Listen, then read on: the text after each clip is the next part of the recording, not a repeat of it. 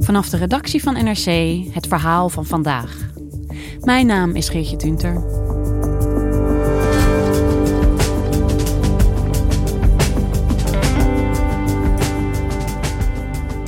Twee weken geleden was buitenlandredacteur Hanneke Shinafo nog in Afghanistan. Ze sprak er met twintig vrouwen over wat de afgelopen twintig jaar hen heeft gebracht en hoe ze de toekomst zien. De vrees voor de Taliban was groot, maar dat ze zo snel Kabul zouden innemen, dat had niemand verwacht. Wat staat er voor deze vrouwen op het spel?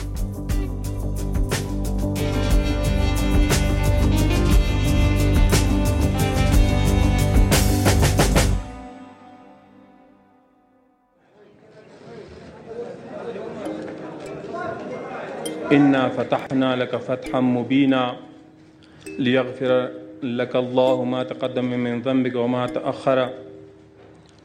Dinsdag was een opmerkelijke dag. Voor het eerst hielden de Taliban in de Afghaanse hoofdstad Kabul een persconferentie nadat zij daar waren teruggekeerd als nieuwe machthebbers van het land. De zondag ervoor hadden hun eh, strijders de hoofdstad Kabul met um, groot gemak ingenomen. En was de democratisch gekozen president Ashraf Ghani het land ontvlucht. Um, en was er dus een, opeens een heel nieuw Afghanistan. Die persconferentie was uh, bedoeld om uh, zich aan de wereld, niet alleen aan Afghanistan, maar ook aan de wereld, te presenteren als een uh, modernere, redelijkere partij dan uh, het Taliban-regime dat twintig jaar geleden werd verjaagd door een internationale invasie. Ze wilden alleszins uh, laten zien dat ze milder zijn. Uh, ze zeiden bijvoorbeeld dat er geen wraakacties zullen volgen voor hun vroegere tegenstanders. En ze zeiden ook dat vrouwen en meisjes um, rechten zullen hebben. Women will be afforded all their rights whether it is in work or other activities, because women are a key part of society. And uh, we are guaranteeing all their rights within the limits of Islam. Die rechten die worden wel begrensd door de islam. En wat nou altijd in de lucht blijft hangen als zij dit zeggen, is wat dat betekent.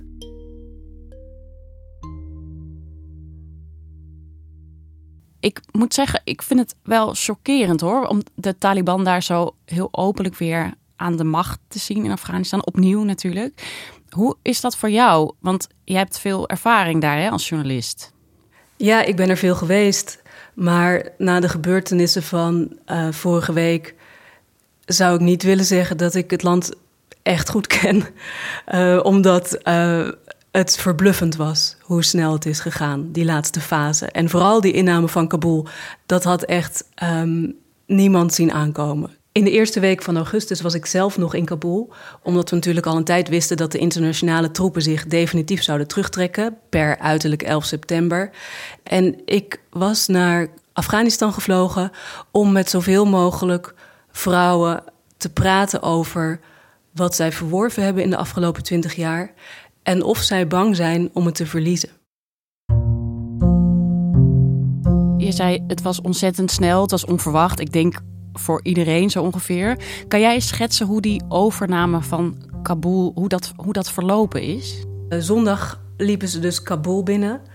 Uh, een dag daarvoor werd pas echt duidelijk dat de hoofdstad ze moest verwachten.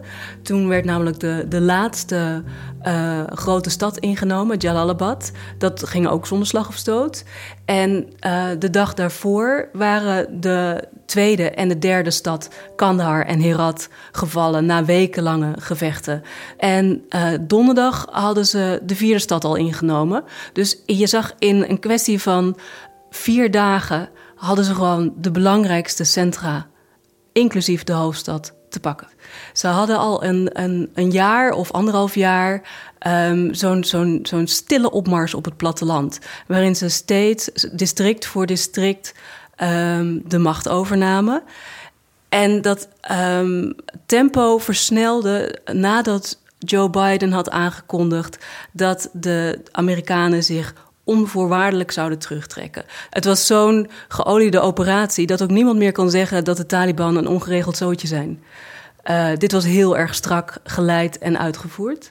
En het was, als ik het goed begrepen heb, helemaal niet gewelddadig of zo. Want de indruk die ik kreeg van het nieuws was dat die soldaten van het Afghaanse leger gewoon ja, hun werk neerlegden. Ja, het was uh, niet gewelddadig in die zin dat er geen zware strijd geleverd is op de meeste plekken. Op sommige wel. Hè. In, in, in, in sommige steden in het zuiden is echt wel van deur tot deur gevochten.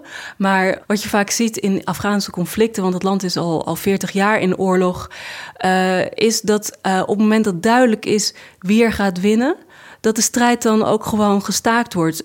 dat, dat ze zien, oké, dat wordt de winnende partij.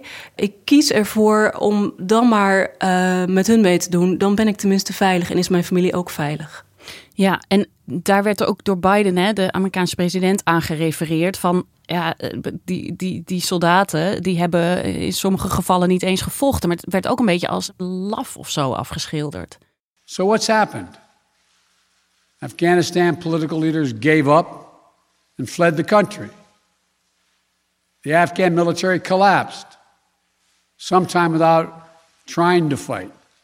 Ja, Biden die uh, maakte er een groot punt van om te zeggen: je moet wel willen vechten voor je land. Ik weet niet of dat nou uh, zo'n uh, zo'n gepaste opmerking is.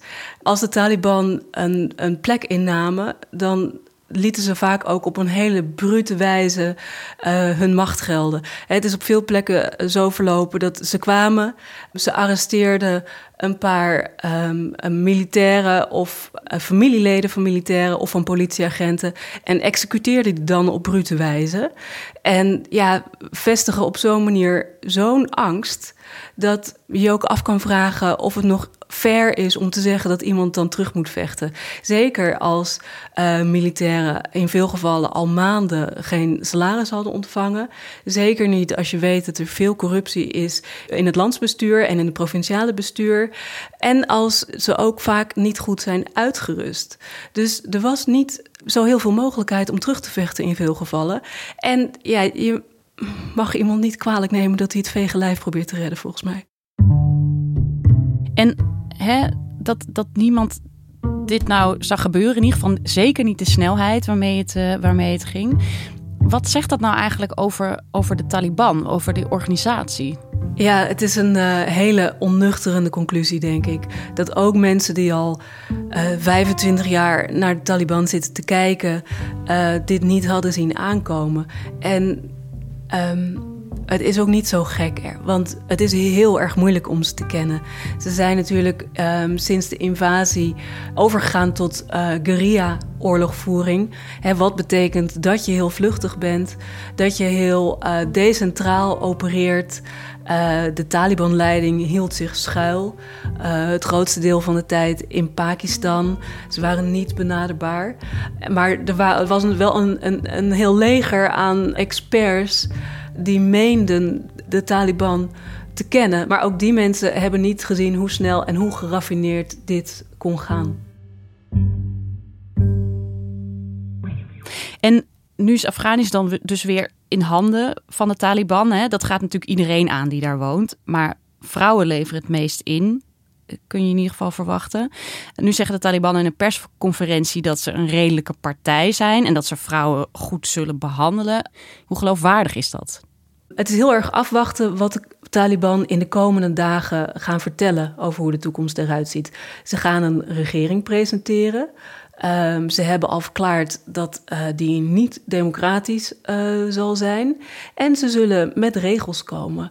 En het is op dit moment echt nog moeilijk te zeggen hoeveel vrijheden er zullen zijn voor vrouwen en meisjes volgens die regels. En vraag 2 is dan hoe de praktijk eruit zal zien. Ze zeggen al twee jaar dat ze uh, vrouwen meer rechten zullen geven dan vroeger. En dat ze dat alleen zullen begrenzen door de grenzen van de islam. Maar ze leggen nooit uit wat dat precies inhoudt. En het feit alleen al dat ze dat al die tijd niet concreet willen maken, wekt mijn argwaan. En de vrouwen die ik sprak, zijn daar uitermate sceptisch over. Zij vertellen me toch vooral: het zijn mooie woorden, maar de praktijk is echt anders. Dus uh, geloof ze niet. Ja. En nou ja, jij was er dus twee weken geleden nog hè, in uh, Afghanistan. Toen heb jij uitgebreid met vrouwen gesproken daar. In de tussentijd is er alweer veel gebeurd, dus hun perspectief zal nu alweer iets anders zijn. Maar wat zeiden zij daar toen over? Wat waren hun angsten met toen ja, de Taliban in, in opmars? Ik heb met een heel diverse groep vrouwen gesproken. Dat was ook echt de opzet. Dus zowel mensen in de stad als op het platteland, jong en oud, mensen die het vorige regime hebben meegemaakt en mensen die daarna zijn opgegroeid, uh, hoog opgeleid, laag opgeleid, arm, rijk. Uh, en vooral ook de verschillende etniciteiten, want dat uh, is een belangrijk onderscheid in Afghanistan. En wat heel leerzaam was, waren de verhalen van vrouwen in de provincies die al enkele maanden of wat langer zelfs onder Taliban-bewind leven. En die vertelden toch vooral verhalen over ja, zware onderdrukking. En voor veel vrouwen die het vorige Taliban-regime hebben meegemaakt, is het nu erger, dat zeggen ze tenminste tegen me, dat ze nu wel die twintig jaar van hoop hebben meegemaakt en dat nu weer verliezen. For a while, what we had was hope. Uh, that was the driving force in this country, amongst us, the women, and among the people of Afghanistan. Hope that things are not going to be the same, things are going to change, and things are going to be get so much better. Ja, precies. Ze, ze, hebben eigenlijk een groter besef van wat ze, wat ze kwijt gaan raken. En, en dus wat ze gekregen hebben, als het ware. Ja, de vrouwen die ik sprak, die um, uh, hebben uh, over het algemeen ruimschoots geprofiteerd van wat er opeens kon. He, uh, meisjes die opeens naar school konden, die uh, konden studeren aan de universiteit, die ook um, uh, daardoor mondig zijn geworden, die nu ook een positie opeisen en nu ook zeggen: ja, ik ga het ook niet zomaar laten gebeuren. Vaak uh, uh, klinkt het ook een beetje als zichzelf moet inspreken, want ze hebben niet zoveel te willen. Hè, nu de Taliban uh, weer heer en meester zijn in het land. Maar je, je voelt dat, dat ze grote moeite hebben om op te geven wat ze hebben verworven. En jij hebt ook vrouwen gesproken hè, die zich nog, dus nog goed kunnen herinneren dat de Taliban voor het eerst ja, arriveerde. Wat vertelden ze jou daarover? Wat, wat hebben ze toen meegemaakt? Ja, de angst die er toen was, die hebben ze nu dus weer. Ik sprak bijvoorbeeld een juriste uit Kabul, die zich nog heel goed herinnert dat zij als klein meisje uh, met haar broer samen in de klas zat toen de Taliban in Kabul aan de macht kwamen.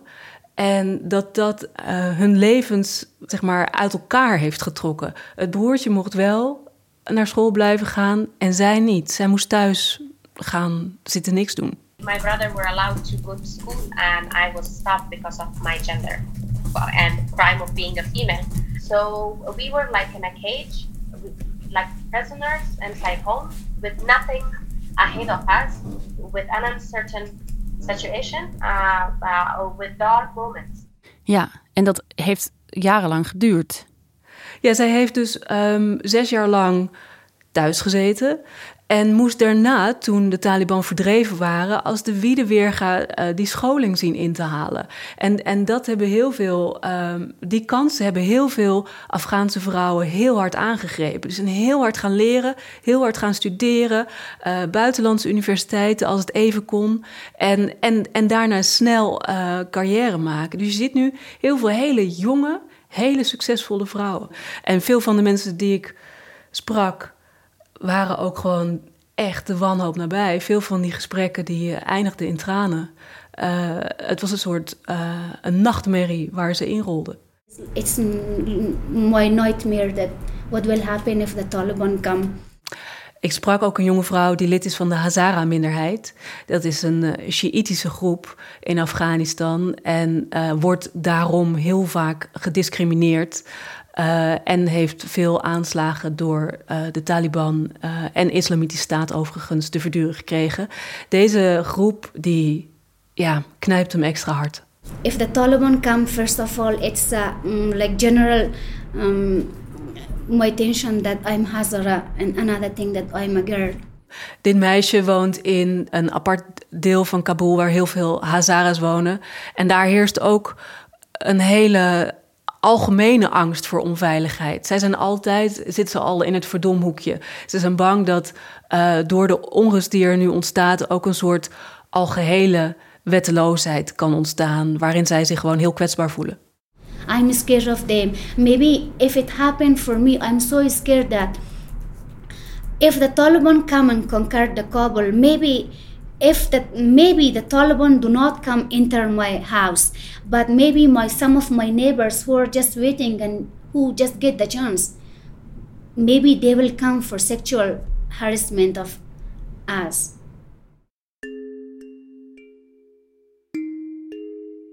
Je hebt dus ook mensen gesproken die uh, ook begin augustus al hè, uh, leefden onder een Taliban-bewind, uh, die dan in de provincies wonen. Wat hebben zij verteld aan jou over hoe hun leven veranderd is? Het waren diverse verhalen, maar het kwam over het algemeen neer op dat zij leven in angst. En dat heeft heel veel te maken met de dingen die er om hen heen gebeurden. Vrouwen die te horen kregen, een district verderop bijvoorbeeld, je mag niet meer uh, zonder mannelijke begeleider de deur uit. En uh, er waren ook wel heftigere verhalen die ik van heel veel kanten hoorde over uh, Taliban-strijders die bij mensen thuis aankloppen en vragen: wonen hier vrouwen in de huwbare leeftijd? Want die moet je beschikbaar stellen voor een huwelijk met een van onze strijders. En ik heb ook verhalen gehoord over dat dat dus ook echt plaatsvindt, die gedwongen huwelijken. Nou ja, dat is natuurlijk heel moeilijk te verifiëren. Maar ik heb ze wel gehoord van mensen die het ook in hun eigen familie hebben meegemaakt. En uh, die mij dat dus in alle detail vertelden. En ik heb het van heel veel kanten gehoord. Dus dan uh, krijg je toch de indruk dat er iets erg mis aan het gaan is. In de afgelopen dagen heb ik uh, een aantal van de mensen die ik eerder sprak opnieuw gebeld om te vragen hoe de recente ontwikkelingen nu weer invloed hebben op hun leven. En ik sprak één meisje dat in Kabul woont en de dag nadat de Taliban de stad hadden gegrepen iets moest ophalen bij een vriendin. En zij had zich al helemaal aangepast aan een nieuwe situatie. Ze had een extra wijde en lange jurk aangetrokken. Ze had een mannelijk familielid gevraagd om met haar mee te gaan. Uh, ze ging de straat op, zag voor het eerst van haar leven een Taliban-strijder in het echt. Vond het op een vreemde manier spannend, zeg maar. En zij vertelde mij, ja, toen ik om me heen keek, zag ik ook dat buurtgenoten uitliepen om die Taliban te begroeten. Omdat ze zich toch uh, realiseren dat ze zich moeten verhouden tot die mensen. En een verstandhouding moeten opbouwen met een nieuwe machthebber. Dat is de realiteit voor Afghanen op dit moment. Ja, ze hebben gewoon geleerd, we moeten ons maar plooien naar wat ons overkomt eigenlijk. Ja, en daar zijn ze ontzettend ervaren in. Ja.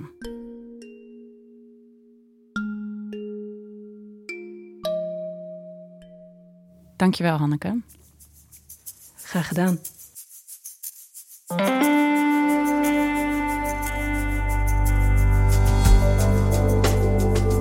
Je luisterde naar vandaag, een podcast van NRC. Eén verhaal, elke dag. Deze aflevering werd gemaakt door Wijken van Koolwijk en Jeroen Jaspers. Dit was vandaag, morgen weer.